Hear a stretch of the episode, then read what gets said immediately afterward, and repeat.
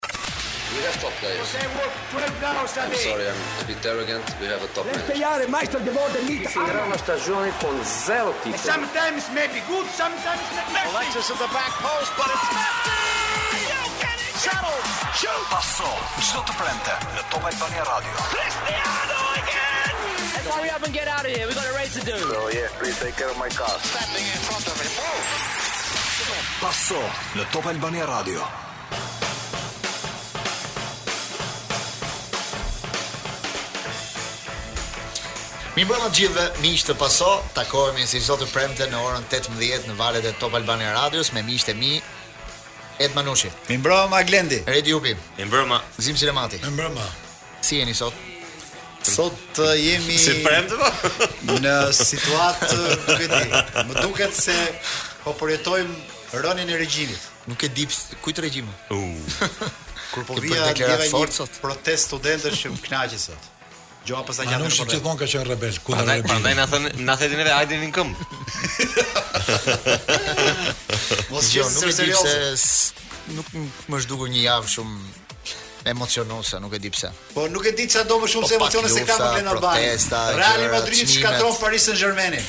Chelsea nuk ka në arka as 25 mijë euro për të udhëtuar. Janë bllokuar gjithçka.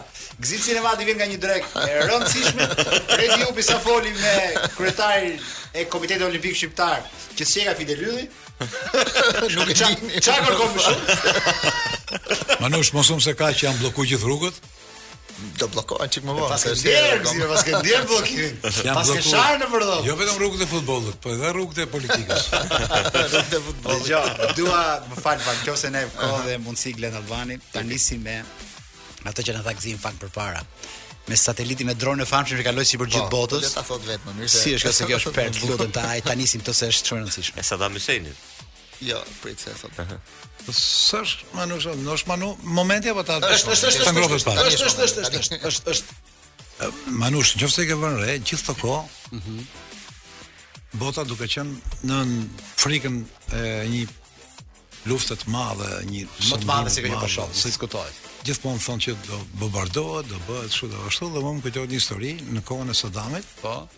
Sadami kur u tradhtua nga gjithë aleatët, tha që do bombardojë Evropën. Dhe i nisi avionet në çdo shtet të Evropës çoi nga një avion. Ati që i ra radha për te Shqipëri, erdhi sipër, po dhe si e pa Shqipërinë, tha, Kush ka ardhë para meje?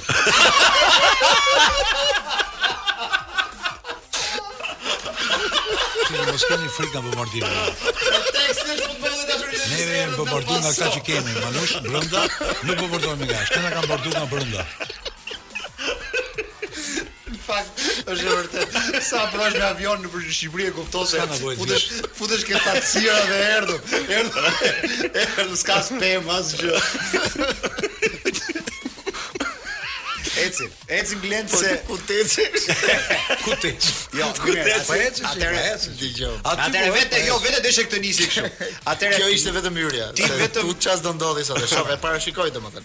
Rikthehemi në paso në këtë pjesë të parë për të diskutuar për temat e rëndësishme të javës, të mesjavës, të gjithçka çfarë ndodh në momentet e fundit edhe në Tiranë, në, në gjithë Shqipërinë. Në fakt ne tani do bëjmë një lidhje ndryshe nga skenari që kishim përgatitur sepse kemi një pjesëtar toni që është në në krye të detyrës, është në në rrugët e Shqipërisë, nuk e di ku ndodhet sot, në cilin qytet, por le ta pyesim.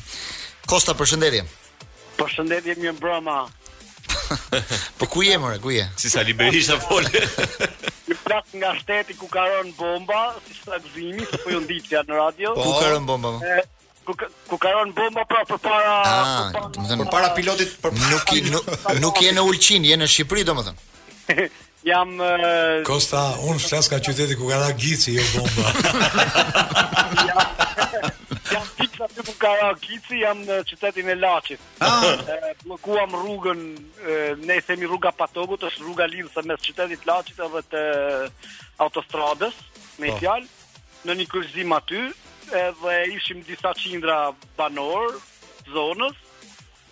Mhm. Banor për me kështu, edhe erdh policia si përfundim na largoi një çikë si me dajak, po hajtë mo. Kujdes Kosta ti se duhet të rrish edhe i maskuar se ti nuk del dot fare hapur në protestë se je njeri publik tashmë. Pse pse jam njeri publik mbështes protestat, naftën e harxhoj mi thoj o manush. Një soj për zotin. Po ti ke atë modelin e Gzim Çirematit, sa do të shkoj çoj, shkoj çmimi 10000 lekë ju. Po, se si ka, me do thon un kam pas kujtu se do ngrihem protestë vetëm po u rrit çmimi i mishit derrit, po u rrit u rrit edhe kur edhe kur u rrit nafta. Po, po, po, po. Çe, po çfarë çfarë lloj proteste ishte ajo paqësore, besoj. Paqësore ishte deri në momentin kur faktikisht disa policë Për të mos thënë nuk du me thënë provokuan, po mënyra si erdhën që na kërkuan të lirojmë rrugën ishte çik arrogante, edhe dy tre persona protestues aty dy tre persona ishin gati në konfrontim me fjalë edhe po thjesht ndërhymë ne të tjerët që nuk i lamë. Çfarë ndjesish ke Kosta? Duket sikur po vjen fundi, si duket situata? Do ketë zhvillim Shqipëria? Shiko, para 48 orësh, unë madje thashë edhe në fjalim, se mora dhe fjalën aty. Ja, more fjalën. Fjalimi i Kostës. Po, po ku është kjo, do ta shohim këtë? Ishim me megafon që po ishim ne që pak a shumë persona që kishim organizuar. Uh mhm. -huh. Edhe ajo që thash unë ishte, do të thotë që në kryqëzim ishte një karburant. Dhe ai po ai karburant ka pas çmimin para 48 orësh 290 lekë. Do thënë gati 3000 lek të vjetra. Dhe ke ky karburant ishte 216 lek, do thënë 2100 e mm -hmm. lek. Qartë. Dhe dhe iu ktheva banorëve u thashë shikoni këtë tabelën para 48 orësh ka qenë gati 3000 lek. Vetëm sepse jemi bërë kaq bashk ka rënë çmimi, prandaj duhet të bashkohemi të gjithë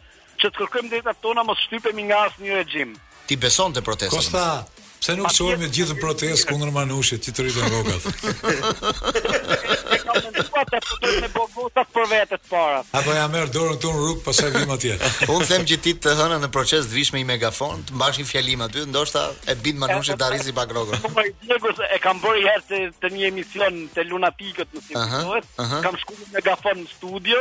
Atëherë do të flas si njeri më fal. Dije, merr megafonin dhe të hënën duhet të vish patjetër me megafon të hënën. Të hënën patjetër. Ki kujdes se po, ka një ndryshim të madh midis lunatikëve dhe procesit. Se atje atje autor është Blend Mane, kurse këtu është Glendin Alban. Unë po ta lejoj merre, merre me vete atë megafonin. Kosta e rëndësishme është me të vërtetë që të ketë protestë paqësore pa zarar sepse ndoshta ku i dihet mund të kërkojmë edhe ndonjë ulje tjetër se ka lajthitje këtu, mirë e keni.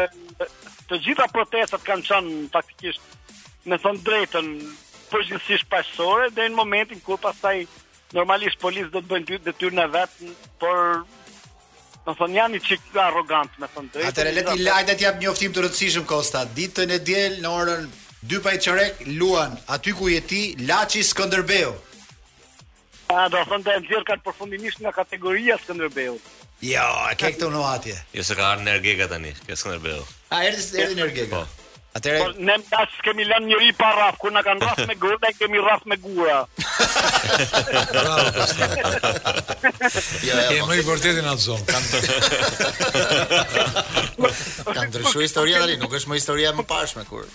Kur kemi ndejt durt në xhepa, kemi kemi shënu gola.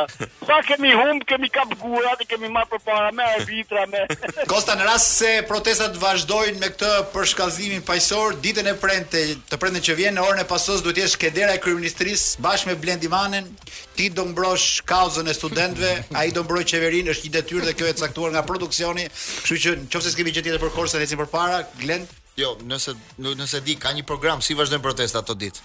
Ata e thotë. Po është lënë nesër është lënë në orën 11 protestë kombëtare nga sheshi Skënderbej deri te kryeministria, do mblidhen nga gjithë Shqipëria. Domethënë nesër është ajo protesta e madhe domethënë.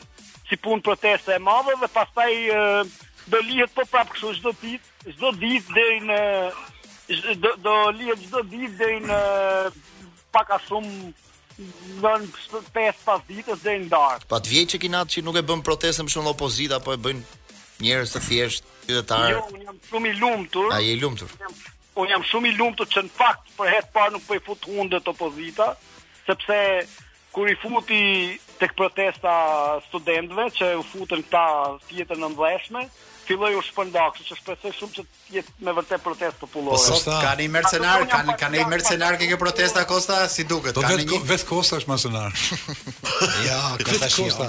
Ne me partinë jemi shoqëri civile. Kosta Shioni jo, tash. Po, jo, o Kosta, o Kosta bëj një pyetje, Kosta bëj një pyetje, Kosta. Po pse gjithë kjo luftë për çmimet tani që plasi lufta? Më parë lufta kishte plas midis nesh. Çmimet gjithë kohën ngriheshin. Të ta them unë, Po është diskutim pak teknik dhe i gjatë, po po, po ta them me dy fjalë. Po bjeri shkurt ti mhm. tani të ka mësuar Manushi si i bie shkurt.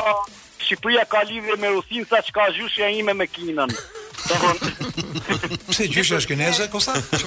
Po pra ne po them pra, sepse ne e marrim naftën në Katar, jam informuar jam informuar mirë për këtë pjesë. Po. Ne e marrim luftë dhe naftën në Katar, që s'ka luftë. Ne e marrim drithërat, i marrim kryesisht në Kanada edhe në në Serbi. Pra nuk kemi lidhje me Rusinë dhe me me Ukrainën. Dhe unë jam shumë i sigurt që çmimet janë ngritur nga grosistët, janë janë një grusht njerëzish 5-6 vetë, jo më shumë. Oligarkët, më oligarkët. Ore, po si mund t'i vijë fundi oligarkëve këtu këne, më erdhi në Rusi, po kene jo, si do i vijë jo, fundi këtyre. Grosistët importuesit e naftës, të cilët Më keq akoma. Krizës kanë pas humbje, vazhdimisht për shkak pandemisë, kanë, e kanë parë si mundësi me shfrytëzuar rastin e luftës për të për për të ngritë çmimet. Dhe Super. kjo u reflektua. Kosta na dha dy informacione shumë të rëndësishme që ne nuk varemi nga Rusia dhe nga Ukraina, marrim naftën nga Katari dhe Naftën nga grurin nga Magjare, Kanadaja. Kështu që Edhe shqiptarët të diesel rinë nga Gurbini. të rrinë të qetë, e Kam një rëndësishme mik është francez, Manush, unë kam Ah. një mik francez që jeton në Abu Dhabi, edhe jo më larg se mbrëm kam fol me te,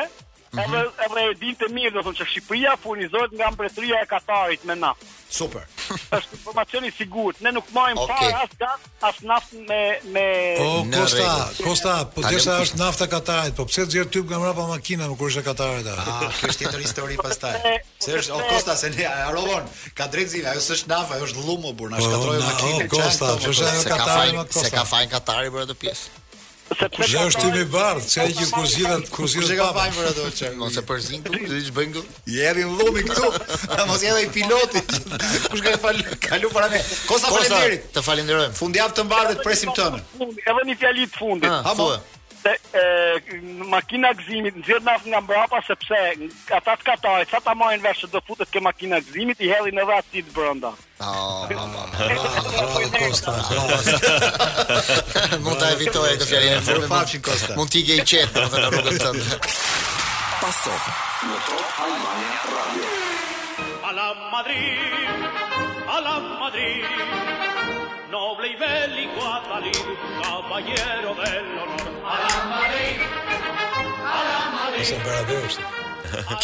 Kjo është si ka ardhur Glen shumë shumë provokues ka ardhur ke Paris Saint-Germain. Shumë provokues ka. Nuk e di pse Redi, po këtë javë në në Bernabeu shijoj më shumë se herët e tjera në kur mbaroi ajo ndeshje mes Parisit dhe Realit Madridit, ishte një E di pse shijoj. Hmm. Sepse ata s'kishin asnjë shpresë mund ta fitonin atë ndeshje. Po ja pra që do të thonë për 60 e kur u bë goli i, i Realit, Minutë në Diçka rreth po 60. 60 e ca minuta, domethënë Parisi do të kish kishte një dominim total. Ndeshja do të shkonte 2-3-0. I dominuan në qarkullim topin, në personalitet, në raste të krijuara, në cilësi, në çdo në çdo aspekt, në çdo aspekt. Pra unë nuk kisha parë, unë unë e parashikoja që do kishte një diferencë në ndeshjen e dytë sepse e pash superior Parisin dhe ndeshjen e parë, po jo kaq sa sa bënë ata për 65 minuta.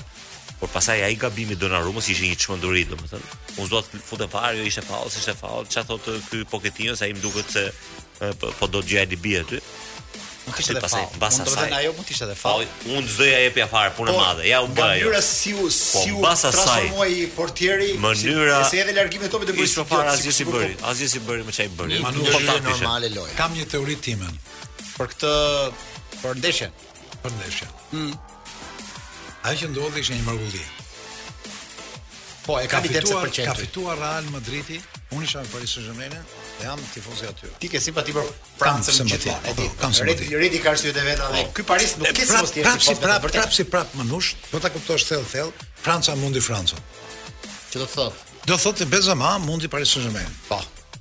Por më e bukur është që Hollywoodi i futbollit, Neymar, Messi dhe Mbappé, u mund nga një kohë e shkurtër, nga kohë shumë e shkurtër nga be, nga Benzema. Po. Gjithë reklama bëhet nga yjet e atyre. Nga nga Mbappé, nga këto ato dhe Për 30 minuta ata kanë përmbys ndeshjen. Për këtë shijohet kjo, kjo për këtë shijohet. 15 minuta sa. 15 minuta. Për 15 minuta, si thotë. U dorëzua gjithë gjithë Paris Saint-Germain. Po. Dhe nuk është njeri që ka reklam, është shumë i përulur, është shumë modest. Benzema. Benzema. Është nuk ka as reklam asgjë, është më efikase që mund të bëhet Domethënë, ke Real Madrid është i treti, mas Ronaldos, mas Raulit, dhe tani ai do të thy rekordin e Raulit dhe ka punë pasaj ka punë shumë gjatë për të thy rekordin e Ronaldos. Rekordi i Raulit është më afër, po Ronaldo është diçka rreth 120 gola, nuk besoj që prapë si prapë mund ta arrijë aty.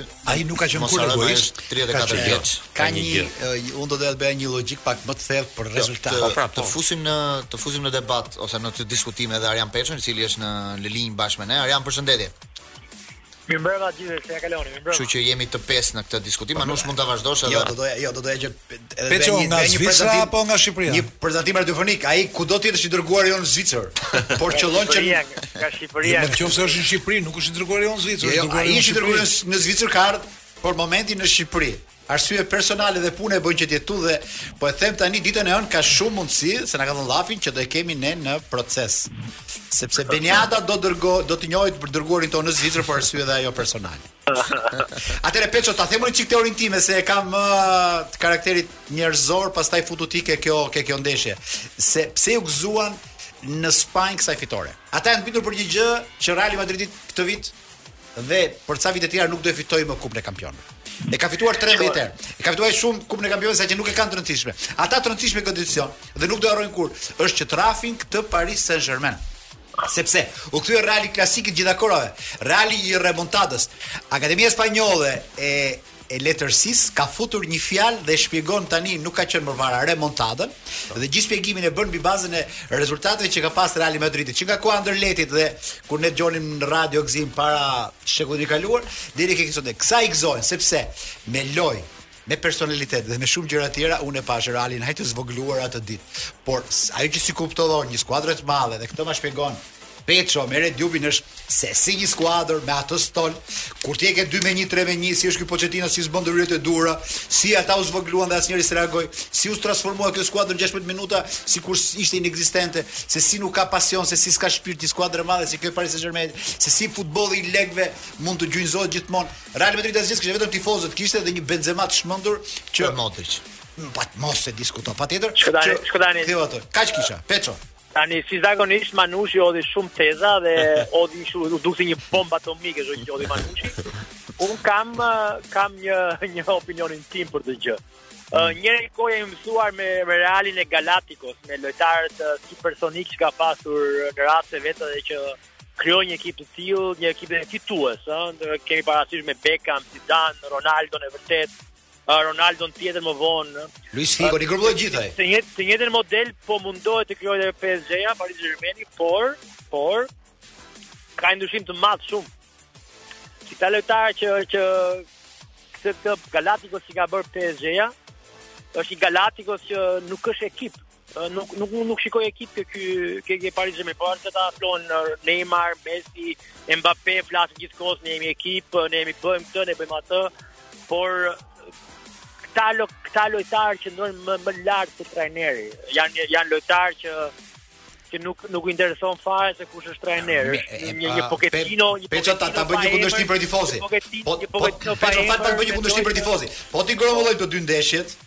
Paris Saint-Germaini, kjo skuadër që luan me të vërtetë me personalitete dhe jo me jo me ekip siç thua ti, e zvogëloi Realin e Madridit dhe bëri që të ndihej një skuadër e vockël fare.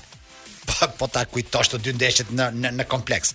Pati një moment pjesën e parë të ndeshjes së kthimit, pavarësisht se ne kemi ato 16 minuta magjike, që Reali Psh, ai ai ai Mbappe çdo top që merrte po, bëri 3 gola, ai vetëm se 2 dolën ofsajd. Unë jam dakord, unë jam dakord me atë Areti që PSG-ja i ka dominuar, ka dominuar një ndeshje e gjysmë me Realin e Madridit, por nuk mjafton, e shohim që në një moment, në një moment të caktuar kur Donnarumma bën gol, bën një lloj gabimi, një lloj gabimi që i kushtoi ekipit të themi. Edhe Marquinhos i bën dhuratën. Marquinhos kapiten. duhet të dalë ekipi në pah dhe nuk duhet të nuk duhet të thyhen për për gjysmë orë të pësojnë tre gola, se është është është është është trajner, është e tmerrshme. Të dominosh një ndeshje e gjysmë dhe të mundesh për gjysmë orë vetëm nga Benzema ose nga Modric, është është pak është pak shumë për një ekip që kërkon të fitojë Ligën e Kampioneve, si si në ato në ato 15 minuta. Unë mendoj, unë mendoj që më fal, unë mendoj që si Messi dhe Neymar janë shumë larg, shumë larg të qenurit të qenurit në një formë uh, për të fituar Ligën e Kampioneve. Nuk mjafton në ditët e sotme, nuk mjafton që të kesh të kesh emrin. Duhet të vraposh, duhet të të jesh uh, në ritëm, duhet të jesh i shpejtë. Dhe këtë as Neymar dhe as as Messi për momentin nuk e kanë. Shiko, në ato 15 minuta ndodhi edhe diçka që mund të themi se ishin dhe gabime individuale ato që që sollën humbjen e Parisit, sepse në golin e parë gaboi Donnarumma, në golin e dytë gaboi Neymari që humbi një top dhe pastaj vazhdoi aksioni me plot gabime të tjera. Asnjëri nuk bënte faull tek tek Modric që vraponte 40 metra asnjë nuk e ndalte. Shkoi deri në zonë, pasoi rahat, domethënë i bëri gjithë gjërat siç siç donin vetë. Ata i dhanë i dhanë Realit Madridit oksigjen në një moment që ata ishin të vdekur. S'kishte shanse më Reali. Jo, ishte një situatë, ishte një situatë ekstreme. Ajo situatë ndodh shumë rrallë. Për fat keq i ndodhi Paris Saint-Germain atë ditë. Pra, që ti në të njëjtën ditë ë të kesh shumë gabime në do për pak minuta të kesh shumë gabime të portierit dhe të dy qendrorëve. Po edhe të bekëve anësorë. sepse deri në minutën e 65-a kur u bë goli, dy mbrojtësit anësorë të të të Paris Saint-Germain-it po bënin një ndeshje fantastike, Marquinhos me Kimpembe, edhe sepse Kimpembe është një lojtar relativisht mesatar, mos themi dobët tani sepse s'dua ta rëndoj, por Marquinhos deri në atë moment ishte, domethënë perfekt në çdo gjë që po bënte. Treshja mes fushës dhe çdo gjë. Ata në atë moment Domethënë, mbas gabimit të Donnarumës, pra bëri një gabim qendërmbrojtësi. Dy ky portieri, dy qendërmbrojtësit u kthyen në lojtarë shkolle, në lojtarë amatorë pastaj. Pra po bënin gabime të çuditshme. Qëlloi gab, ndrimi gabim i i Pochettinos me Paredes, që deri në atë moment ishte vetmi i vetmi lojtar që po mbante ekuilibrat përveç Veratit, po themi mesfushë dhe e, mos mos kurajoja për të ndruar Messin. Në, në atë moment ai të ndronte Messin me Ky është problem, ky është problem. Me një, me kë do, me kë të duash, më fut një, kishte Draxler. Draxler të kishte futur. Kishte Di Marien pra. Dhe të gjitha këto bashkë janë shumë faktorë bëjnë që të krijojë dhe shoku psikologjik që krijuan dhe pastaj dalin në pah dhe mungesat e e leadershipit, mungesat e e personalitetit, do, mungesat e lidhjes me fanellën, bashkë, sepse do. vërtet ka lojtarë të mëdhenj dhe të njëjtën gjë ka bërë dhe Real Madrid. Po është klubi i madh, është klubi i madh bën që dhe lojtarët e mëdhenj, Ronaldo ta ulte nga pesha. bënte që që Figo të të bënte tjetër lojë, Zidani të fillonte të bënte fazën mbrojtëse. Këto gabime kurse klubi i vogël që është Parisi, më falni për, domethënë po, klubi i vogël që është Parisi bën që këta lojtarë pastaj të sillen individualisht Pa, po, pra po, në po. situata të tilla dhe të rriqen. Do tregoj tani. Pra nuk kam atë presionin. Ata nuk është ata nuk është se shkojnë në Paris atje dhe po themi i kap njëri nga xhaketa se çfarë bëre ti, e kupton? Normal, është një presion relativ. Po, edhe në pak... vendi ishte i gabuar, po do të vendi i gabuar që mund ndodhte gjithë kjo katrahurë si kjo sepse dreqi e mori Santiago Bernabeu. Ti respektoje një një gjë si kjo, merr masa alternative. Unë mund kujtoj pak e mbani mend 5-1 që ke Barcelona?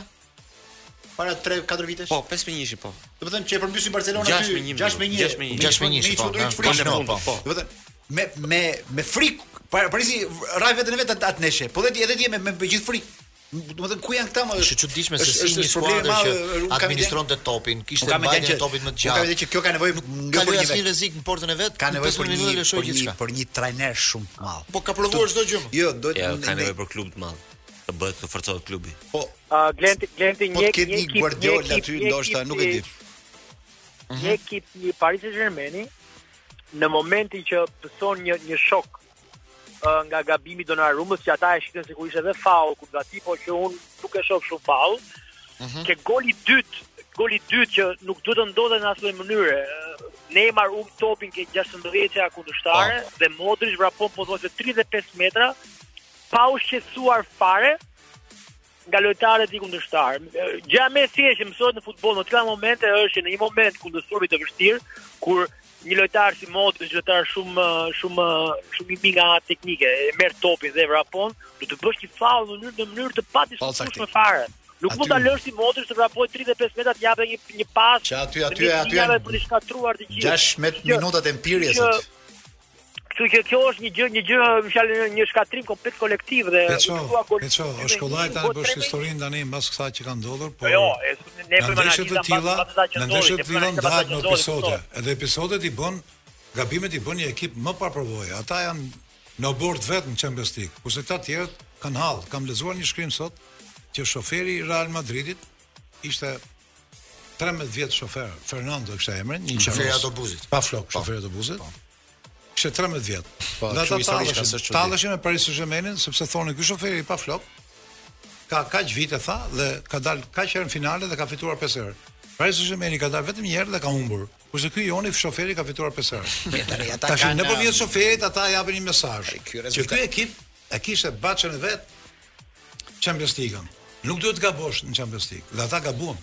Mund t'i bësh dhuratë ti Realit, gafën e Donnarumës, gafën e Marquinhos. Në një ndeshje të tillë nuk duhet të gabojë Paris Saint-Germain.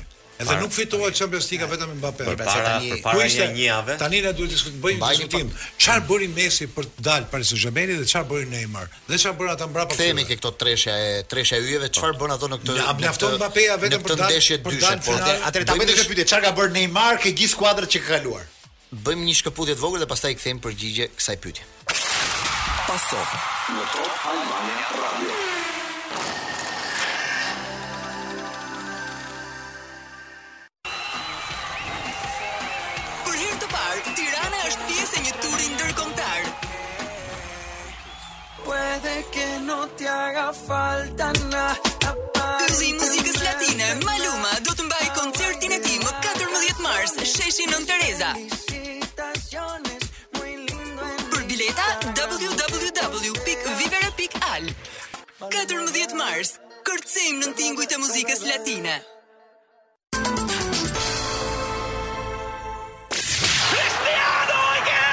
Paso në Top Albania Radio.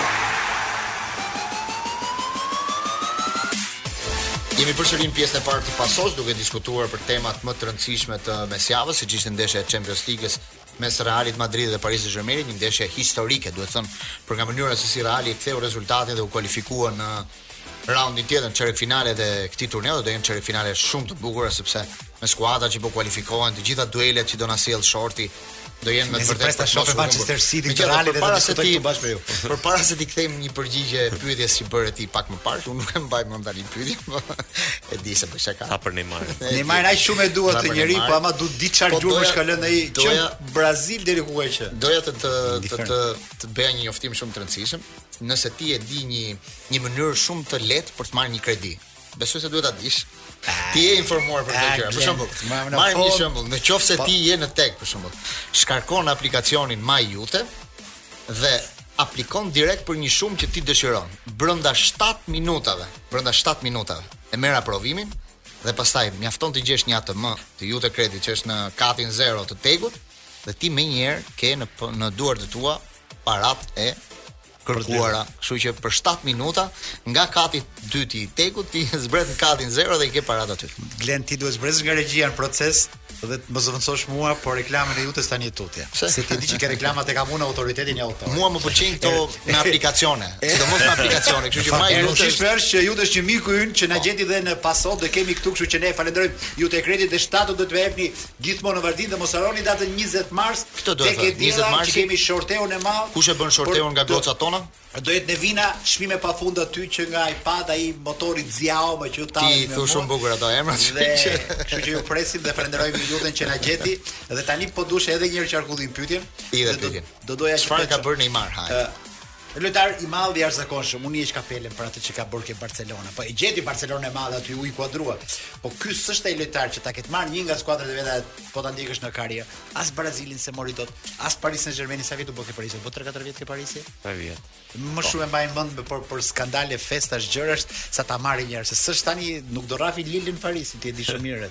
As ato skuadrat e tjera, ai do të marrë Champions League-ën ashtu zgatuar. Dhe kjo skuadër e sivjetshme, ta them me aq sinqeritet, mua më ka pëlqyer në Champions League Qamet mund të bëjë gjëmën ky ky Parisi në një Manchester City se Champions i vërtetë do luhet aty. Mos Reali gëzohet që është tejet shumë se s'ra ka as me Liverpool, Manchester City, me Bayern Munich. Do të thënë këto janë skuadra që s'i rri dot ky Parisi te kjo. Që le dalin ke ke element. E ngarkon pak kjo situata e e Parisit, po themi për për atë se çfarë duhet të bënte për këtë skuadër. Por nuk është se situata ishte aq e lehtë.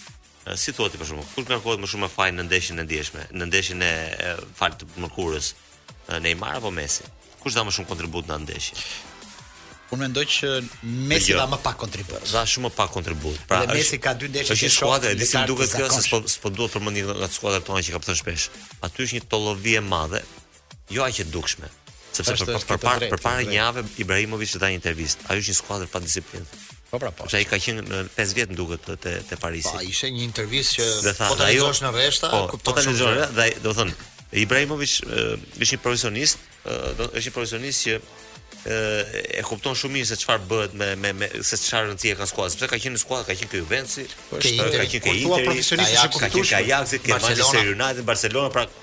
Dhe ai ai pikërisht të thotë që ajo është një një është një klub tha që është pa disiplinë. Dhe nuk mund ta ngarkosh dot Neymarit te kjo. Mua për shembull Neymari te Barcelona më ka pëlqyer shumë.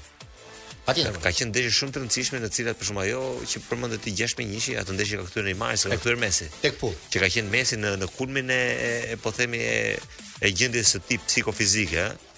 Kështu që është e vërtet, do të thënë, un mendoj që ky është një talent shumë i madh dhe nuk e ka nuk e ka shprehur. Po origjinës Moret, për shembull them, ku diun, një skuadër e madhe se ne flasim gjithmonë, ë më mirë po kot ma përmende Draxler. Po. Kanë më personalitet gjermanët në një gjë si kjo më.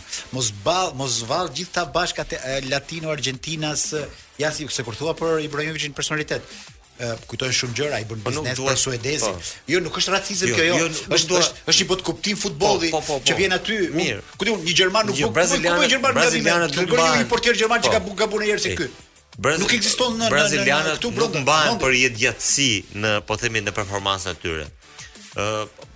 Shumë pak kanë qenë ata që kanë dhënë gjatë për shembull. Kurse argjentinasit janë pak më ndryshe, për shembull, një nga simbolet është Zanetti, ka 20 vjet me me një ritëm. Ë, po them Messi është argjentinas, ka ka shumë lojtarë të cilët kanë dhënë, kanë dhënë në nivel në nivel të lartë, po Messi nuk ka qenë më normal se sot, domethënë, më një lojtar që nuk mund driblojë dot asnjë. Messi s'ia fal. Humbi duel me Modric ishte po. Shumë e çudi ai dueli ishte. Ai që tregoi shumë. Ishte një po. pamje e tmerrshme ajo. Përpara nja 3 vjetësh, përpara 3 vjetësh Modric nuk do nuk do nuk do nuk do shifte topin atë. Po, po krahët që i vijnë Modricit, domethënë është të, të, transformimi që të bën në ky se kur thu fanella fanella duket sikur e banalizon dhe e redukton shumë diskutimin.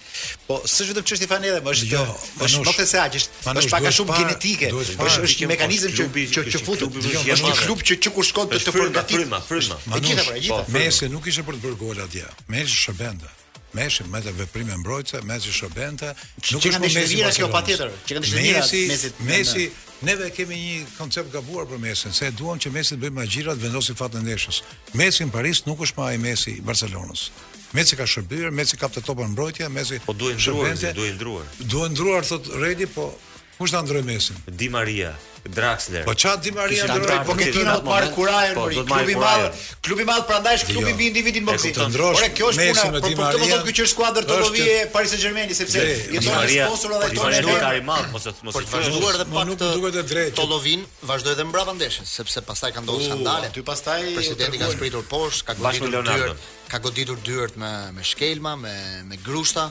Sot UEFA ka ka bërë një njoftim që ka hapur një hetim për për Antar Al Kelaifin dhe Antar Komiteti Al Kelaifin dhe dhe Leonardon për të cilat rrezikojnë deri në 15 ndeshje në Champions pezullim të dy. Al Kelaifi për kërcënoi kërcënoi me jetë një spanjoll që po e regjistronte me celular po, gjithë skenën. Ishte një pjesëtar i klubit Real Madrid. Po po gjithë regjistrimin që po binte me shkelma. Manush mos bëjmë show. Tani merren me atë që ka ndodhur poshtë në dhomë, atë që ndodhi në fushë, faul ishte. Faul ishte ke Benzema me portierin. E ka dhënë pjesa më e madhe e medias botërore që është faul. Tashti merren me atë që ka shku poshtë me presidentin dhe kjo është një alibi shumë e bukur.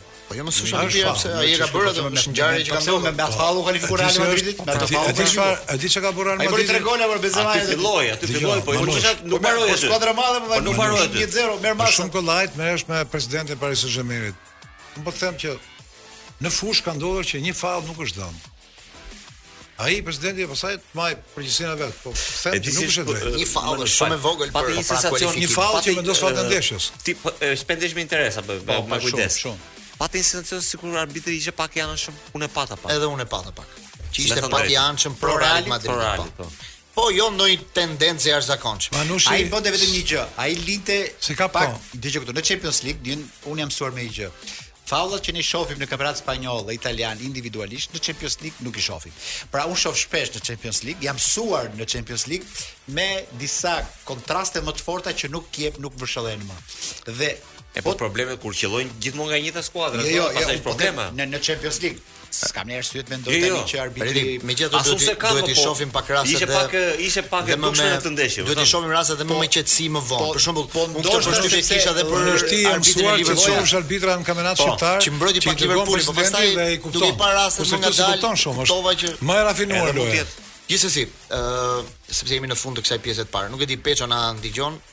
Je me ne Peço? A nuk është, nuk është, është shkëputur me ne, është shkëputur me ne. Po si ka mundësi pjesa më e rëndësishme? Që interesante ishte një informacion që dilte nga mediat spanjolle, ku e ku e ka humbur Reali ndeshjen. Reali uh, Parisi ndeshjen.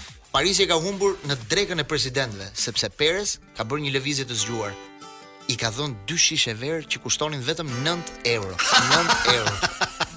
Al Kelaifit, Al Kelaifit. Jemi rikthyer në këtë pjesë të dytë të pasos me këtë këngë spanjolle që lajmëron fundin. Nuk e di çfarë fundi është, Manushi e kupton më mirë, po për çfarë fundi bëhet fjalë? I fundi i ëmbël. Tani janë modë këngët me funde. jo me funde fund, me fund fund. Jo me funde gocash çer, me funde Me funde, as me funde kështu felice siç i kërkon ti me shokët e tu digjitalit, po bëhet fjalë për funde tjera këtu. Kjo që na është bashkuar. E vesh fundin apo nuk e vesh fundin? Kjo është totalisht me pantallona. Përshëndetje Alesia Bami. Përshëndetje, përshëndetje. Oh, oh zot. Si është ajo Gzim?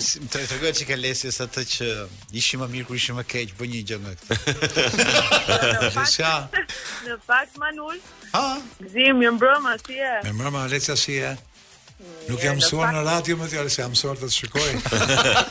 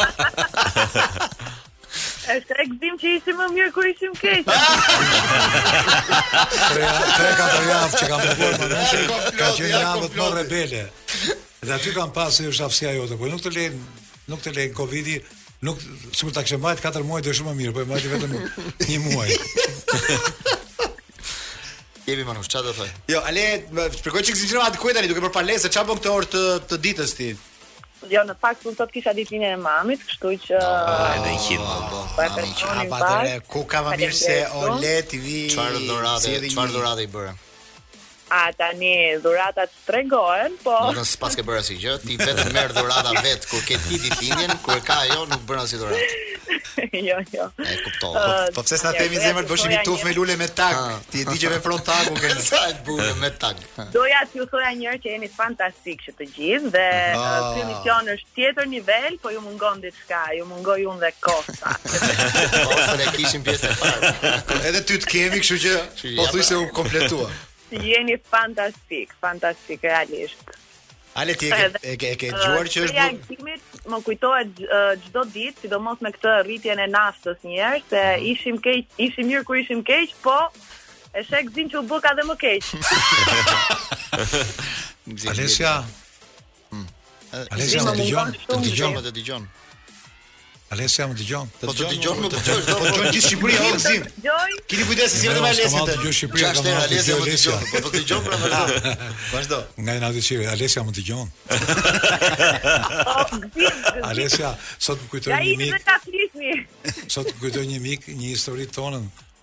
Kur ti më pyte mos jam veshur, unë thashë je zhveshur bukur. Në radio s'ka arsye për t'u zhveshur. Sa të tua pikant e Gzim, do të mbaj gjatë. Alesia se Gzimi vjen nga një drekë e gjatë, sot shpirë që që. Edhe mund ta mirë kuptosh. jo, unë e di se e ka për këtë drekën e gjatë. More vesh i ka dalë në fiks fare. Jo. Për batutën e famshme që ka bërë në emision. Cilën nga në emisionin e fundit që tha po tha do e ndrroj grun, domethënë për atë kur ndrroi vendin, më jo. mirë. Kështu që për këtë batutë nuk i flet më e gjithë shoqëria, ça prishëm familje, domethënë nuk nuk e di çka ka ndodhur. Vetëm ju të radhës më keni ngel. Ej, e di e di pse e di pse është mërzit, është mërzit nusja e Gëzimit. Uh -huh. Po ti s'e mban fjalën kurrë. Vetëm ti më qenë. Alesia festuat drekë për mamin apo keni darkën? Si e keni sitor situatën sot? Apo i keni drekën, drekën. Drekën, drekën sot. Super, atë darkën e kemi me pason.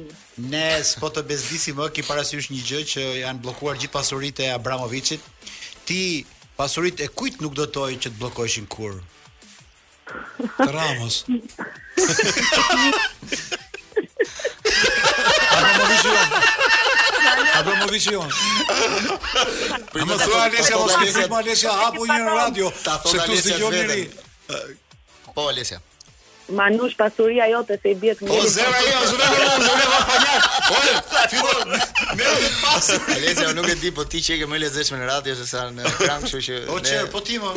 Po më pëlqen nga shumë pra, nuk e di pse. Alesia, kam një llaf të sinqertë. Alesia, mos e beso Glendin kur thotë jemi të lezetshëm në radio, se i bie i bie që do më do më ta fut në televizion. Vetëm ti më hap syt. A kupton si thotë, që ke lezet shumë në radio thotë. Alesia Bami. A ka njëri të lezetshme në radio? Për ju të gjithë që jeni makinë sot s'kemi kohë po mund të dërgoni disa pyetje tek redaksia e procesit apo e pasos për Alesia Bamin dhe ne do ju përgjigjemi ditën e hënë. Kemi përsëri, do ta kemi përsëri. Alesia të përqafojmë, të urojmë një Ju përshëndes shumë të gjithë, jeni fantastik. Po këtë e thua më gjithmonë që je fantastik se neve mendojmë për po, vërtet pastaj. Patjetër që po, patjetër. Radio ju shkon shumë. Po thotë, tani ti mendo, ti na shkon shumë. Ej, Alesia, është e bukur kjo. Ju shkon shumë radio, na ju gjithëve. Dëgjo, Alesia mendo tani që të gjithë ne kemi ngritur duart sipër kokës duke bërë shenjën e zemrës. Po. Na imagjino dhe të katërve ashtu. Katër zemra erdhën për ty tani. Ju dua shumë, ju dua. Mirupafshim natën të fala dhe më çfarë po e mamin, natën e mirë. Natën e mirë.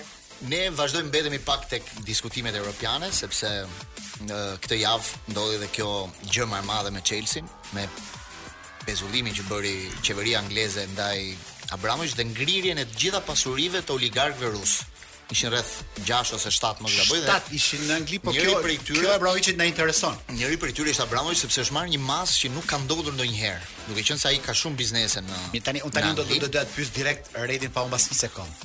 Jo, është po për të kuptuar një herë çfarë ka ndodhur. Domethënë mm -hmm. ata kanë kanë kanë ngrirë të gjitha pasuritë, por ndryshe nga pasuritë e tjera, Chelsea është një është një lloj biznesi i veçantë, sepse në qoftë se ngrihet Chelsea, bie që ata të mos luajnë, tifozët nuk shkojnë në në stadium, ndeshjet kampionati penalizohet sepse është një është një masë shumë drastike, por ata kanë bërë një leje speciale Vetëm për rastin e Çelsit ka një leje speciale. Ata mund të luajnë ndeshjet e kampionatit, i kanë vënë një fond për të zhvilluar ndeshjet që është një fond rreth 24000 euro, 20000 sterlina, 20000 sterlina. Po, rreth 20000 euro ishin. Që ata mund të mund të udhëtojnë.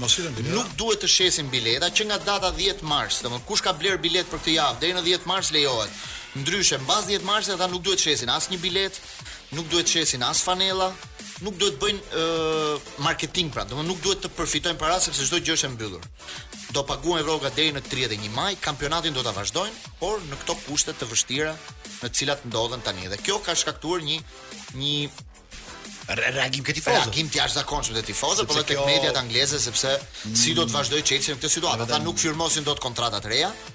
Ndërkohë që ka zëra tani që është kjo është një më tepër një shtyrje që i bën qeveria angleze Abramovich që Në të vërtetë e nxori Chelsea-n në shitje, por nuk dihej se si do ta shiste. Ata tani janë futur, janë bërë pjesë e kësaj shitje. Nëse do ulet Abramovich në një tavolinë për të shitur Chelsea tek dikush, edhe qeveria angleze do jetë aty për ta parë ato ku do ta shesi, si do ta shesi, lekët ku do shkojnë, ça do ndodhi me këto para, domethënë gjithçka që ndodh tani është qeveria angleze në lojë në fakt me këtë situatë. Më dukej si propagandë, po me këto gjëra që më thotë Glendi duket si shumë serioze. Serioz është dhe në fakt të vjen keq sportivisht vjen keq po goditet, po goditet.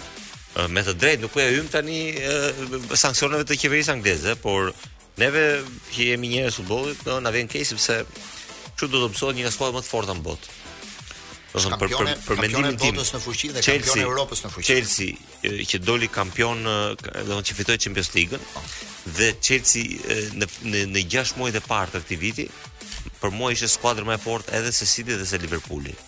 Pati një një një moment ë domethënë të gjë të ndërmjetme që pati një gjë të ndërmjetme që doli dalje disa lojtarëve nga forma Lukaku që nuk po gjente më disa probleme të brendshme atje. Çngjyroset ky Chelsea po. Çngjyroset. Jo shumë, zbehet, zbehet, zbehet. Një pati një zbehje, domethënë po prapë është është skuadër shumë e fortë, sepse është skuadër me shumë me shumë zgjidhje. Për shembull, uh, City është një skuadër që ka vetëm një plan loje, një plan loje.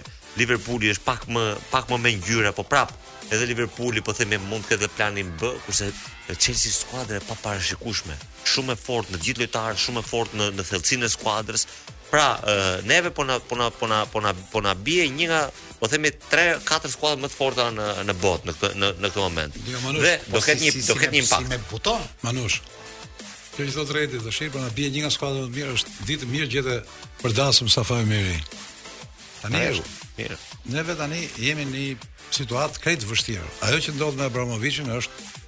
situatë shumë e rëndë për Evropën. Mirë, sepse mirë, po, po të them diçka. Bëhet padrejtësi më Gëzim. Dëgjoj. Tani unë jam dakord me këto bllokime jo, të oligarkëve. Jo, të të se themi jo, po, do. Jo, jo bëhet padrejtësi në rast se Manush. Këtë e pëson vetëm futbolli. Manush ta shpjegoj çik te te futbolli Manush se futbolli është padrejtësi vetë. Futbolli është padrejtësi, si andej dhe këtu kanë.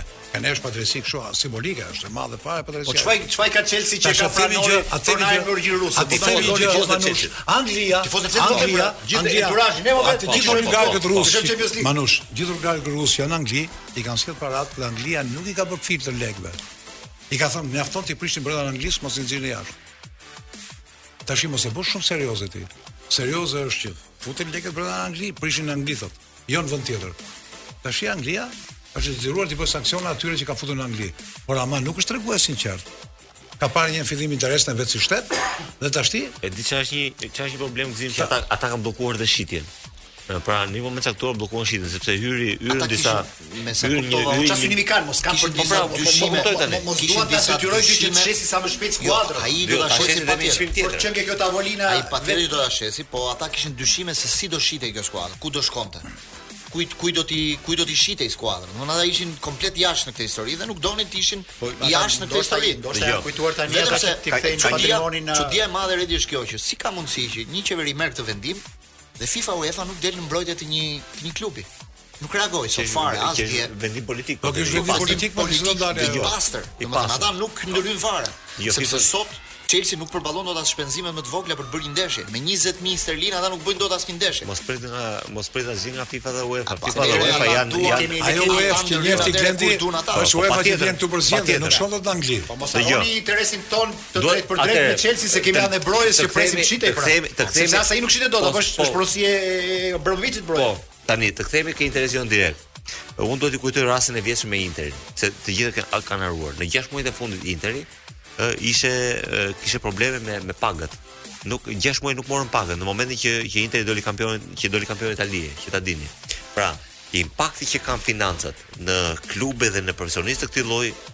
nuk është aq katastrofik sa që mendojmë neve. Po s'kupton se janë ekipe shqiptare ato dhe nuk dalin ah. se vidje po themi apo do bëhet një rrëmpallë dhe një një një, do thonë e pa e pe Tuchel se çfarë tha.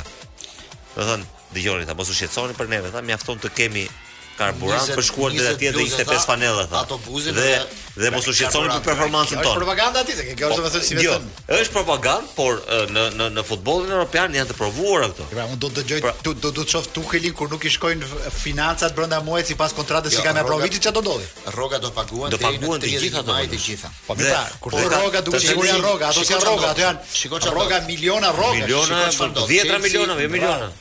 Chelsea për shembull do do vazhdojë me shumë mundësi rrugëtimin në Champions League. Stadiumi po. për shembull nga 60-70 mijë që ka kapacitet do jetë vetëm me 25 mijë, se aq janë abonent që janë shitur. Apo pra, se ka abonent. Abonent nuk thënë. Pra, pjesa tjetër do jetë gjitha bosh, nuk do shesin dot asgjë. Por këto padrejtësi e kam, domethënë sepse ne jemi futboll dhe jemi msuar të shohim garën e barabartë. Që këtu ti po penalizon një skuadër Për fatin e saj të zi që e ka pronarin me origjinë ruse. Sot për shembull, kështu që ti tani s'mund ta lësh atë në një betejë të padrejtë me të tjerët. Këtë këtë sot ju largua, ju largua sponsori që kanë në fanellë. Ajo kompania telefonike Tresh që kanë ata në Angli, po. ju largua nga po. ishin 40 milion sterlina që vinin çdo vit. Po. Nike rrezikon që të prishi kontratën 15 vjeçare dhe është një kontratë e jashtëzakonshme, është gati 1.1 miliard euro.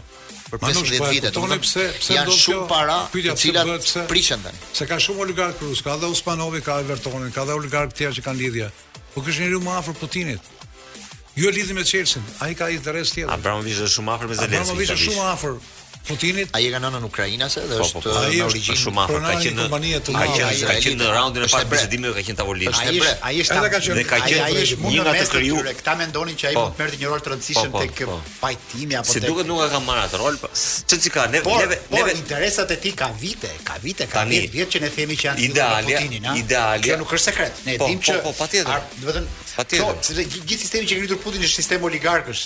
Se kur them oligark kujtojnë këta tanët, domethënë, është njëri atje ka pasuruar 30 veta dhe i ka ata si zarë. Dhe këta ç'a bëjnë? duan të pengojnë këto oligarkët që Mos marri oksigjen Putini. Gjithë kjo lëvizje që që bën Perëndimi tani. Manush, të bëj një pyetje më spec. Ka një padrejtësi ke ke gjithë historia, se po dëgjoja sot për shembull. E di kush e pëson më shumë këtë penalizimin e, e oligarkëve rus? E pëson më shumë au, Italia. Sepse italianët kanë 30 vjet që bëjnë biznes të rëndësishëm atje prej Berlusconit. Po holandezi nuk e nuk e vuan fare këtë gjë, ka një padrejtësi në Europë. Pra ça ndodhi? Këta thonë bëjmë sanksione, ngrenë dorën të gjithë. Ke pasojat e sanksioneve. I hajnë vendet jo në mënyrë. Jo të gjithë psojnë në të njëjtën. E hajnë në mënyrë individuale po. vendet. Po s'ka një mekanizëm që ta rregullojë. E pson Gjermania se blen gazin atje se kshu i erdhi historia. Po, Holanda, e pson Italia. Holanda. Holanda. Po. Më pak, sepse paska një alternativë tjetër. Po. Amerika është vendi që pson më pak nga këto pasoja se merrte vetëm 8% të naftës. Kështu që ka një po hyjmë në një një gjeopolitikë që që që këta me shumë bëje pyetjen me spec Manush. Është ajo muzika apo s'është? Jo, s'është muzika. S'është muzika, po e bën Glendi atë, e bën Glendi muzika. A bëhet Çik, jo, jo, jo. Manush, në këtë rastin e luftës kemi mësuar gjithë oligarkët që janë afër Putinit. Po në rastin e luftës tonë, do na thosh çfarë janë oligarkët këtu që shoqërojnë Ramën? Pas ke pas jo drejt fort. Manush, po dhe interesant. Manush kanë dështuar zgjedhjet në Shqipëri dhe fiton prap Duka pas 20 vjetëve dhe ne merrem me luftën në Ukrainë. Është lufta e futbollit tonë që kemi humbur. Po ta them këtu dhe dëgjoje njëherë mirë Gëzim Sinemati.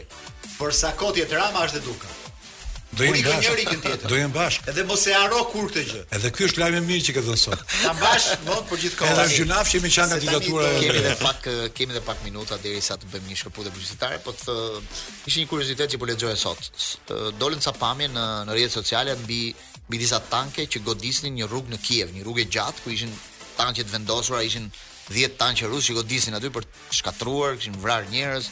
Çfarë s'ka ndodhur aty? Ajo rruga kishte një fakt shumë interesant se quhej rruga Valeri Lobanovski. Puf, çfarë the? Dhe ishte një rrugë shumë e famshme në në Kiev sepse përfaqëson emrin e një prej trajnerëve më të më të njohur në në Ukrainë, por edhe në bashkimin edhe në bashkimin sovjetik. Edhe në botë, edhe në botë. Sepse Lobanovski ka qenë trajneri i po. famshëm i Dinamo së Kievit. Senatori i futbollit ka qenë trajneri i po. USS së po. BBR-së së trajner që ka prekur Bashkimit Republikave Sovjetike Socialiste. Ka prekur tre lojtarë që kanë qenë topa të artë, që ka qenë Blohin, një ukrainas, para pastaj ishte Belanovi, pastaj ishte Shevchenko, personazhe shumë të rëndësishëm të futbollit të ai ka qenë ai ka qenë trajneri i Bashkimit Sovjetik në vitin 88 kur Bashkimi Sovjetik doli në finale me Hollandën dhe u eliminuan nga goli i Van Bastenit, me atë po. golin e bukur. Në atë kohë, në Ukrainë thonin që Bashkimi Sovjetik është Dinamo e Kievit e dobësuar me disa lojtarë të, të që kemi po, rreth nesh, po, domethënë. Po, po, sepse kështu u krahasoi, sepse Dinamo Kievi ishte në atë kohë baza e e gjithë futbollit të të, të ish bashkimit sovjetik, por bënin dhe ndërhyrje nga nga Rusia, nga vende të tjera, Georgjia, Bielorusia, lojtarë të tjerë që që merrnin pjesë në atë kombëtare. Është shumë interesante sot sepse përmendej kjo rrugë me emrin e këtij personazhi që ishte një trajner i jashtëzakonshëm. Po ky është ukrainas gzi. Po, ukrainas, ai është ukrainas, ka lindur në Kiev dhe po është ndarë nga jeta në moshën 63 vjeçare për një hemorragji cerebrale që kishte, po ishte dallohej si një trajner sepse nuk fliste kurrë në në stol. Ai rrinte ulur atje. Personazhi i madh, unë unë e mbaj mend shumë. Nuk lëvizte, nuk reagonte fare. Personalitet. Fytyra e tij nuk nuk thoshte asnjë gjë, 90 minuta ai nuk lëvizte fare. Por ama ishte një personazh i jashtëzakonshëm dhe të gjithë lojtarët që ka prekur kanë patur sukses më pas në në historinë e tyre në futbollin europian. Të dini që Lobanov është Lobanovski është është një trajner i cili do ka qenë një metodist shumë i mirë dhe ka pasur dorën e tij, po themi në teorinë e stërvitjes. Pra në teorinë e stërvitjes ka pasur një dorë shumë të rëndësishme sepse teoria e stërvitjes duhet të dini një gjë që që po themi në në në daljen e futbollit dhe deri tani Nuk është se ndryshon një gjë e madhe, ndryshojnë gjëra shumë të vogla. Po themi dhe ky ka qenë një nga ata që ka vënë një nga ato gurët e themelit dhe pra shumë i rëndësishëm, jo vetëm në Ukrainë dhe në Rusi po themi, po ka qenë shumë i rëndësishëm dhe në futbollin europian, mm -hmm. sepse ka qenë dhe një lektor i UEFA-s po. me sa mbaj mend atëherë në në në në moshë pak më të kaluar. Por që ishte shumë lokal, sepse ti përmende që ka pasur vetëm 3 topa të artë. tre topa të artë duke duke prekur duke tre, domon, si, po duke si trajnuar po. duke trajnuar po. vetëm në në në brenda ish bashkimit po, sovjetik dhe në Ukrainë. E kupton sepse Manush... mund mund të ketë pasur Ancelotti po themi 7-8 10 topa të artë, po ka ka histori, po, ka, ka trajnuar në gjithë në gjithë botën. Ne sot po marrim vesh, domethënë, në rastin e kësaj që ka ndodhur në Ukrainë, shumë kampionë të famshëm, sportistë ukrainas të nivelit të lartë, Kanë janë bërë gati të marrin pjesë në luftë. Po, nivelit të lartë, sportistë kanë gjithë llojet. Dhe sportistë tek ne të nivelit të lartë, nuk marrin pjesë ke lufta që bëhet brenda për të ndryshuar regjimin që ndodh në sportin tonë. Pse ndodh kjo Gëzim, pse? Po kjo ndodh, domethënë se nga ndërgjegja, nga shtypja që kemi neve, tendosje shumë e madhe kolektive. Marrin pjesë duke qenë në krahun tjetër. Shikoji si janë tani. Del Klitschko, del tjetri, del tjetri, marrin armët, shkojnë atje. Ktu kemi 20 vjet që s'merr armët asnjëri, as nuk flasin televizor, kanë mbyll gojën dhe janë shumë të rehatuar që vetëm sundon njëri dhe i shkojnë gjithë mbrapa. I shkon mbrapa Ramës, i shkon mbrapa Dukës, i shkon mbrapa tjetrit, edhe pak fjalë në qoftë edhe. Na shqetëson lufta e Ukrainës, nuk na shqetëson lufta e Shqipërisë. Tek ne ka kohë që ka plas lufta. Kjo që sapo the është shumë e vërtetë. Në pjesën tonë të fundit do flasim për ndeshjet e kampionatit shqiptar, për zhvillimet e fundit që kanë ndodhur aty dhe çfarë do na ofrojë fundjava në Superligën tonë. Do të bëjmë një shkëputje të vogël dhe rikthehemi bashkë. Cristiano Ronaldo! Sasso në Top Albania Radio.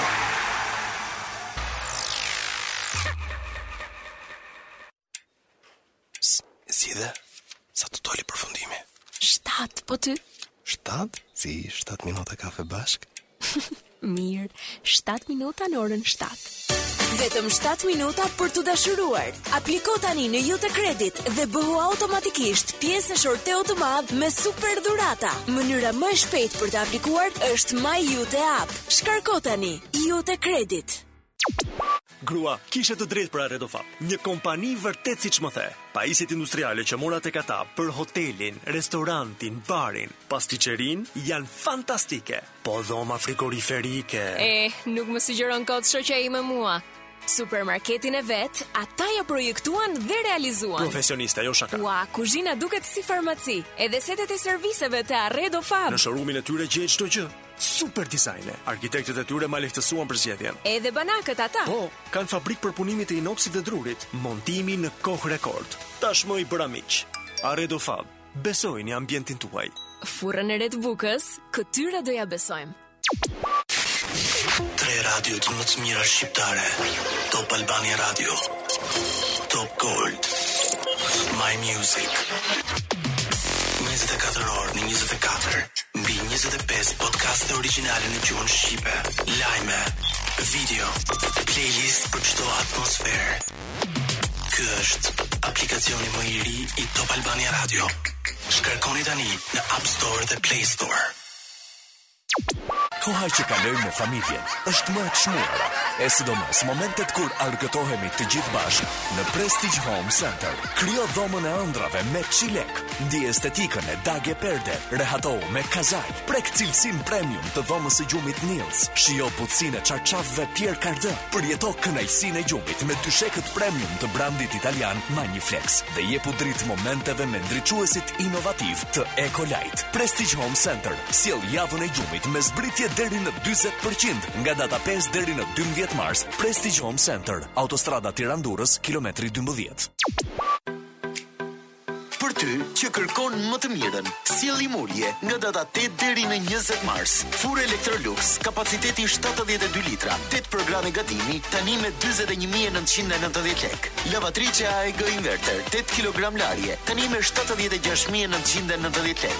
Hekur Electrolux 2300 watt me pllakë qeramike, tani me 2590 lekë.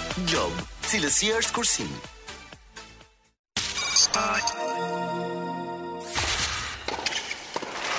Pasos. Në Top Albania Radio.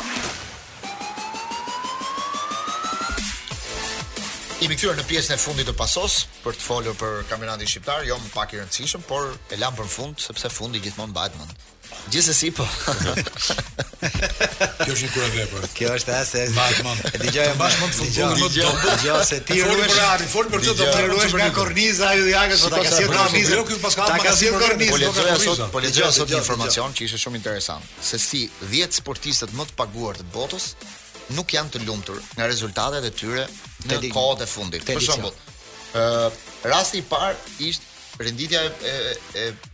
më të paguarve është nga Forbes që nxjerr çdo vit lojtarët që paguhen. Për shembull Messi thosh, merr 130 milionë euro në vit, 130 milionë dollarë, më fal, dhe nuk është i lumtur. Jo, jo se ke gabim shifrën.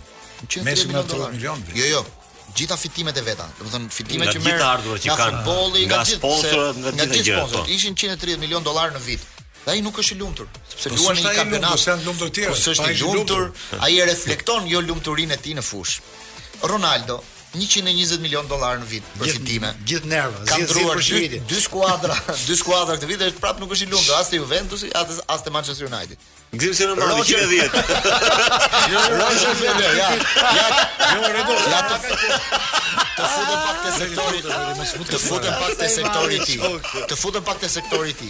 Roger Federer, se e ndjek po, Gzimi po. tenisin. 90 milion dollar në vit. As një turne vitin e fundit nuk ka marr pjesë. Domethënë i palumtur. Uh, LeBron James, një nga sportistët yje të basketbollit botëror, merr 100 milion dollar në vit. Nuk është i lumtur sepse u eliminua që në raundin e parë të play-offit këtë vit, në vitin e fundit. Ëh, uh, Hamilton. 82 milion dollarë në vit për fitime. Doli i dyti, po, tha do largohem nga formula, pastaj e ndroi vendimin e tij. Javës tjetër do sjell 10 uh, emrat e njerëzve të showbizit shqiptar pa lumturi. Do të jetë McGregor javës tjetër. McGregor, ai që zihet në prato. Po po tipi, po po po. po, po. Ai është më i paguari në botë, 180 milion dollarë. Nuk është i lumtur, theu këmbën rrezik do lë sportin ai, nuk po. vazhdon më. Në Paraja nuk sjell lumturi dhe siç ka thënë Gzim Sinemati. McGregor ka dal ka dal dhe një nga Je pa thyer tani. Blerës potencial Chelsea. Grupi pasioni mbi miliona. Ky është emri i grupit në WhatsApp që kemi Procesi Sportiv dhe emri ka ardhur i frymzuar nga Gzim Sinemati. Manush, a kupton se si është një emri ma thyer në grupin pasioni mbi miliona. Pasioni mbi miliona. Domethënë, s'është për ty Manush, është për ne të s'është për ty Manush. Është për ne. Kur e vum s'ishte për ty. Tani dhe ti je ha. Ne ka grupi jon. Shiko çfarë abuzimi është Manush tani. LeBron James, Hamilton, Messi ti atë ti atë, domethën njerëz që janë grabiqar të sportit. Ata sot nuk janë në nivelin e duhur dhe prap lekët i marrin. Çfarë që nuk e japin, lekët i marrin. E kupton sa e padrejtë është bota? Do të thoja 10 shkencëtar sot që kanë bërë çudira më të mëdha se këta dhe ata marrin shumë më pak se këta, edhe s'njifen fare në botë. Është shumë e padrejtë që neve merremi gjithë kohën me 100 milionë, 80 milionë, 150 milionë, e themi do shkojë Mbappé, do shkojë Haaland, do shkojë këto. Dhe tani këtu gjithë bota është futboll. Këtu Gzim jam i detyruar të kundërshtoj. Jo. Është e vërtetë kjo punë po. Kundra që po rreti jupi merrte pak ke eca jeti. Sa bisedë se çka kemi do të shkruajmë shqiptar. Dhe ne do flasim për Mbappé. Jo, ka pas respekt për futbollin e rreti jupi. Po ka pas shumë ca shkrimtarë që shkruan. Ka një diskutim. Kjo që bën. Është lutë, është lutë. E di çfarë?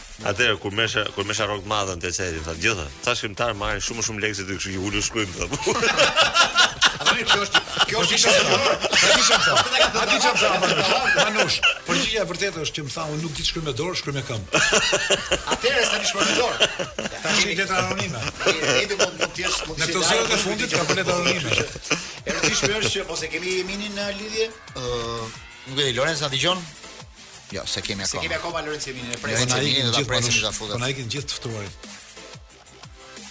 Është nuk e hap telefonin. Është duke bërë, është duke bërë. Uh, Mos është duke luajtur. Atë stërvitjen e tij të ditës që bën. Tani për t'u kthyer pak tek fundjava e e kampionatit shqiptar, sepse do jetë java e 25 e këtij kampionati. Do të luhen takimet në dy ja, në dy ditë. Do jetë uh, ditën e shtunë do jetë Partizani, Egnatia dhe Klasikja e futbollit shqiptar Vllaznia me Tiranën, do luhet në Shkodër, ndeshje shumë shumë e bukur, për të thënë të vërtetën. Të dielën pasaj do të jetë Laçi me Skënderbeun në orën 2 pa çerek, Dinamo Kukësi po në 2 pa çerek dhe Teuta me Kastriotin në orën 5 pa çerek. Do kemi një problem shumë të madh në lidhje me stadiumet, sepse dihet tani që Air Albania është mbyllur, nuk do jetë më për kampionatin shqiptar, nuk do luhen më ndeshjet e kampionatit. Kështu që do duhet që katër skuadrat që për momentin luajnë në kryeqytet të gjejnë një sistemim tjetër në Elbasan, në Rrogozhinë. Selman Stërmasi nuk luhet më, Selman Stërmasi. Selman Stërmasi flitet që mund të luhet mbas.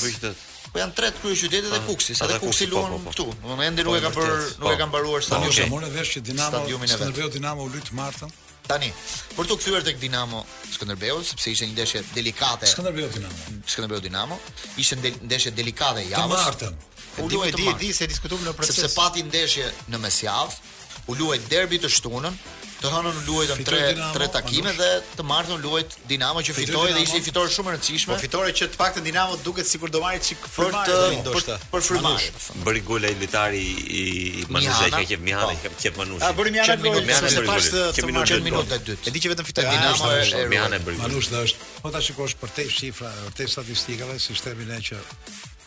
Statistikat themi janë më keq se nuk nuk tregojnë gjë, janë si veshjet e femrave në plazh, që tregojnë shumë, por nuk i tregojnë të gjitha. Mm -hmm. Nuk tregojnë atë që duhet. Nuk tregojnë atë që duhet, thotë. Nuk i tregojnë të gjitha. Do të thoja Manush fiton Dinamo në Korçë. Është një kompensim historik, një borxh i madh. Skënderbeu është krijuar në kockat e Dinamos. Para 8 vjetësh, 10 vjetësh, u shkri Dinamo Skënderbeu.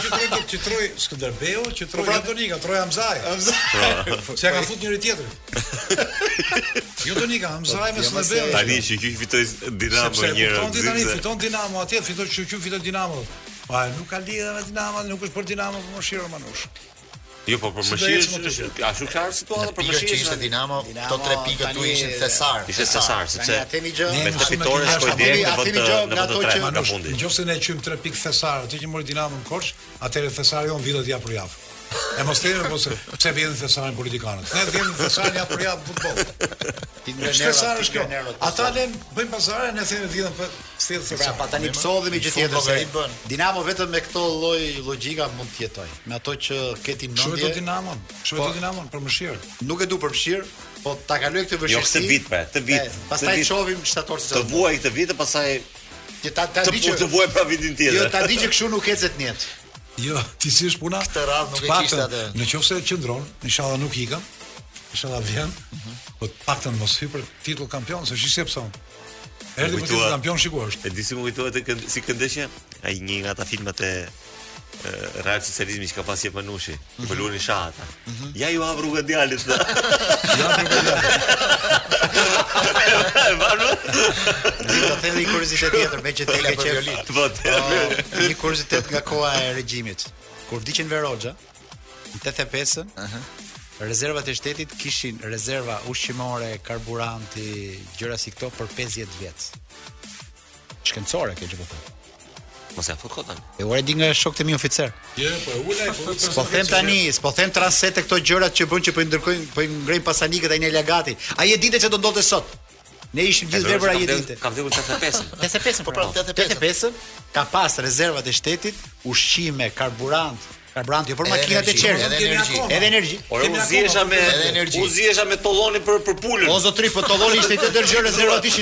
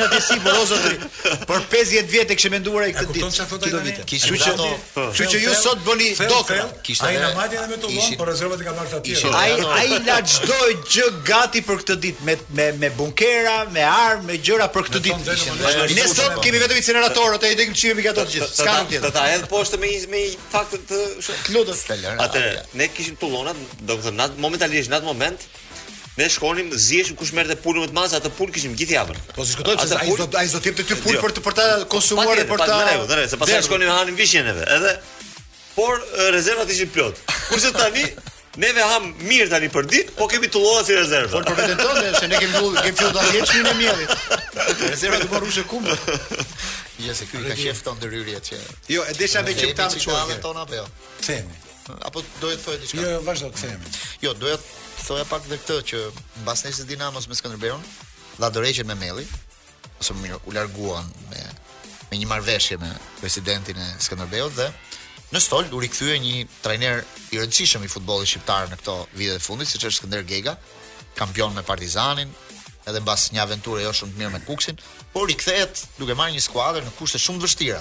sepse Skënderbeu sot është pothuajse i rënë nga kategoria me me situatën që ka është. Është 5 pikë 5 pikë larg nga vendi i parafundit. Vendi i parafundit. Në ditë shumë vështirë, mori një emër nga, nga zona, nga zona e shpëtimit është 6 pikë, kështu që e ka situatën shumë mirë. Dy ndeshje në 12 që kanë ngelur. Po, në 12 ndeshje. Kështu që ti po. si e pe këtë e pash që Trajneri i vendit të fundit është më i lumtur se trajneri i vendit të parë. Se sa dëgjoni e shejm që thoshte pedagog për Jo shej, Memellin. Memellin për Alilin. Ai thoshte ah. mësova shumë, bëra shumë. Ti referohesh shkollë, i, i referohesh, i referohesh deklaratave të Memellit. Deklaratës që tha që në Korçë, në Korçë ka qenë universiteti im dhe Taka ishte pedagogu im. Ishte pedagog. Po. po. Apo. Ne tani për ata që s'e kanë dëgjuar. Ne tani për ata që s'e kanë dëgjuar. Nëse ajo shkollë quhet shkollë tamam e vërtetë e sinqert, ne po vuajmë dënimin kjo shkollë. 10 vjet. Nuk e di tani është shkollë tamam apo shkollë jo. E tjetra është që nga shkolla e riedukimit. Shkolla. Nuk e di, çfarë shkolla e vetë. Ja, ta ta se kemi të bëjmë me një klub i cili, domethënë do një moment të rëndësishëm seriozitetin. Pavarësisht gjendjes dhe vështirësisë ku gjendet, solli një alegri dhe një entuziazëm të madh në atë qytet dhe në futbollin shqiptar. Do të thotë që po pjesë të jo futem Manush. O Manush. Po, po paguan po. pasojat e gabimit që bëri, po i paguan. Po ti s'ke të drejtë tani ta paragjykosh Memellin në një deklaratë kur ai thotë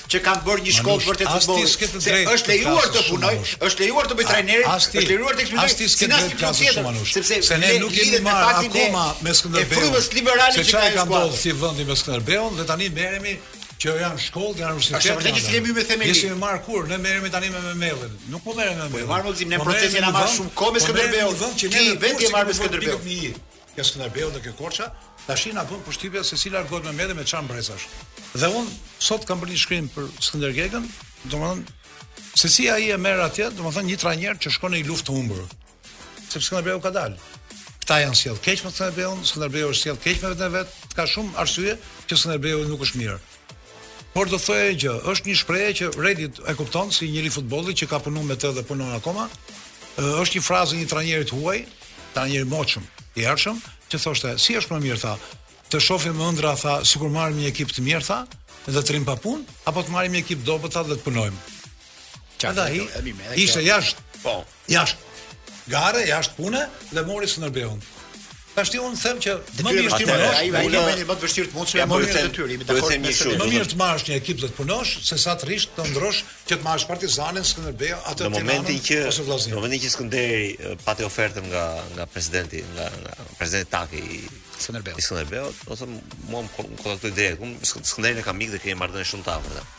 Edhe unë këshilla ime modeste ishte që ta ta pranonte si punë, sepse çfarë çfarë arsyesh kishon? E para një herë është një pjas pavarësisht këtyre probleme problematikave që ka pasur dhe është komode jo, të lë të punosh. Pavarësisht problematika, më nuk duhet ta them vetë. Pavarësisht problematika, një dënimi 10 vjeçar që kanë dhe pozicionimit jo të duhur të një pjese tifozerisë me pjesën e tifozve, do po them që domethënë nuk i falet atij qyteti. Dhe prap është një lëvizje, një lëvizje e, e shëndoshë përveç kësaj. Atëherë, do ta them këtë. Ka pjesë e mirë gjës. Skënderbeu me moshat, me ekipet e moshave, domethënë ka ekipe shumë të mira, domethënë që do, ka një lëvizje shumë të shëndetshme të bërë të futbollit. Pra, që nga moshat, që u 7, u 9, u 11, u 13, gjitha moshat, pra, u 17, u 19, në vend parë, është skuadra më e fortë e u 19-ës, në, në këto grupe u 19-ëve.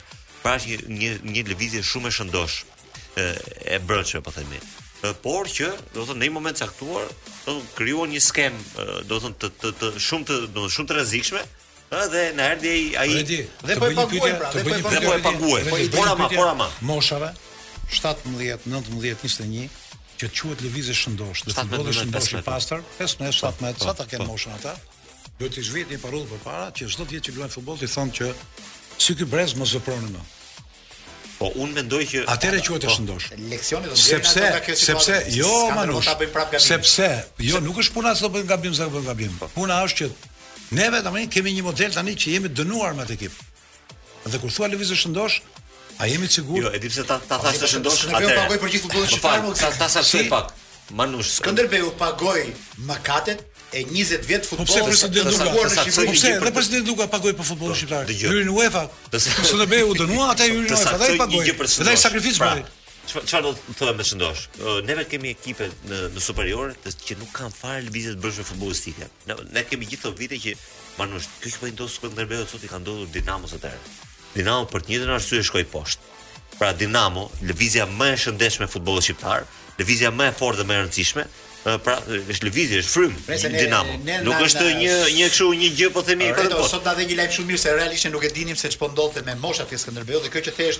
Por janë super, shumë absolutisht, janë e ka i është kthyer tradita e futbollit të qytetit. Nëse ka ekip i marrë frutet kur divikon. Nëse ka ekip që ka lojtar talentuar dhe luajnë mirë futboll, janë pikërisht atje. Po ka një problem rriti. Por ka një gjë me ekipet e tjera. Pse pse unë dua ta dua ta mbështes, sepse ne kemi ekipe superiore që s'kanë ekipe moshash, por ka qytete që nuk Futbollin e kanë e kanë e kanë shtesë, e kanë e kanë rudiment. Jam dakord. Kush është negative kjo te Skënderbeu pra, do ta themi? Që këtij Skënderbeu të sotëm me 1 milion halle që ka, shtoji edhe një hall tjetër, i kanë kthyer shpinën institucionet e futbollit e shohin jo si të njerkës, po më keq. Jo, kjo ajo që të vënd bështuar kot. Ajo që do doja unë të diskutoja pak me Redin, ti e the edhe më përpara që po vuan pasojat e gjithë futbollit shqiptar, sepse në atë kohë nuk ishte vetëm Skënderbeu që kishte pra, raporte, pra, pra. raporte për ndeshjet, do të kishte shumë skuadra të kampionatit shqiptar. Po unë them që dëmi që i kanë shkaktuar është i parekuperueshëm.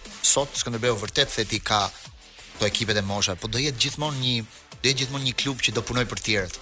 nuk do ketë dot një skuadër të vetën. Në momentin që ata do bien poshtë, nuk ka një, nuk është një dramë rënia.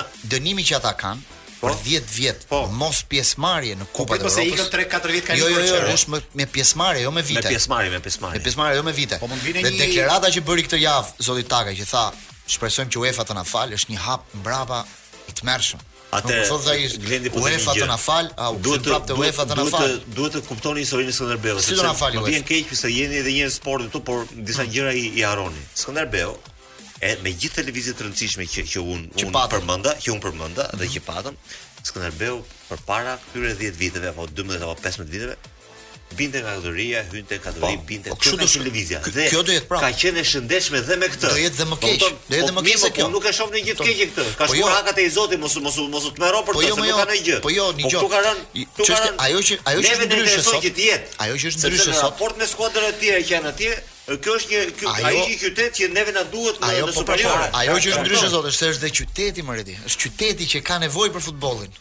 Po ka nevojë qyteti për futboll, po për gënjeshtra. Nuk është si qytet i tjerë, qytet i madh. Qyteti, qyteti s'ka nevojë për gënjeshtra, po qyteti. Qyteti është ngop me po gënjeshtra këto vite. Po ata do vuajnë pasojat tani, sepse është një dëm i parekuperueshëm. Nuk e di se si ose kur mund të ndodhë që ky dëm të rikuperohet. Është është e pamundur, ata njerëz mund të ikin nesër. A mori vesh njëherë qyteti që ai ekip U bë shumë shpejt për të qenë zotëruesi i futbollit shqiptar, e mori vesh po- në qyteti. Dhe po të shohësh aty, edhe pse ra ai shpejt pse u ngjit ai shpejt. Po të shohësh. Ai shpjegon dot njëri sot. Tifozët aty kanë arritur, po po po e kuptojnë pak këtë gjë dhe po të shohim reagojnë çdo çdo javë ka një lloj reagimi jo prej jo prej kohe, sepse godasin arbitrin. Tre javë, tre javë rresht. Ka ka gjëra po me Leoni në mënyrë telegrafike. Shpejt e shpejt ndeshjen e fundjavës, hajde fillo. Partizani luan me Egnatian në orën 5 pa çarek të shtunën po. dhe Vllaznia me Tiranën ndeshje e madhe javës. Që ta shijojmë këtë dhe kjo luhet ditën e shtunë në 5 pa çarek. Pyetja e fundit po s'kemi kohë, jemi në fund. Yes, do t'ia bëj Redit pyetjen e fundit. Kush kualifikohet, Ajaxi apo Benfica? Ajaxi apo Benfica? Po. po pse shkoi kjo? Uh, Ajaxi. Ajaxi. Si, jo, mos kjo është shumë për bazë, mos ndoli as Parisi. kjo është ndeshja më e bukur. Unë kam Unë mendoj se është ndeshja më e bukur e mesjavës së ardhshme në Champions League. Por çfarë u tha sot te kemi të hënën në proces. Të hënën në proces dhe të premten tjetër takohemi përsëri në paso me tema të tjera të zjarrta. Mirudëgjofshim dhe kalofshi një fundjavë të bukur.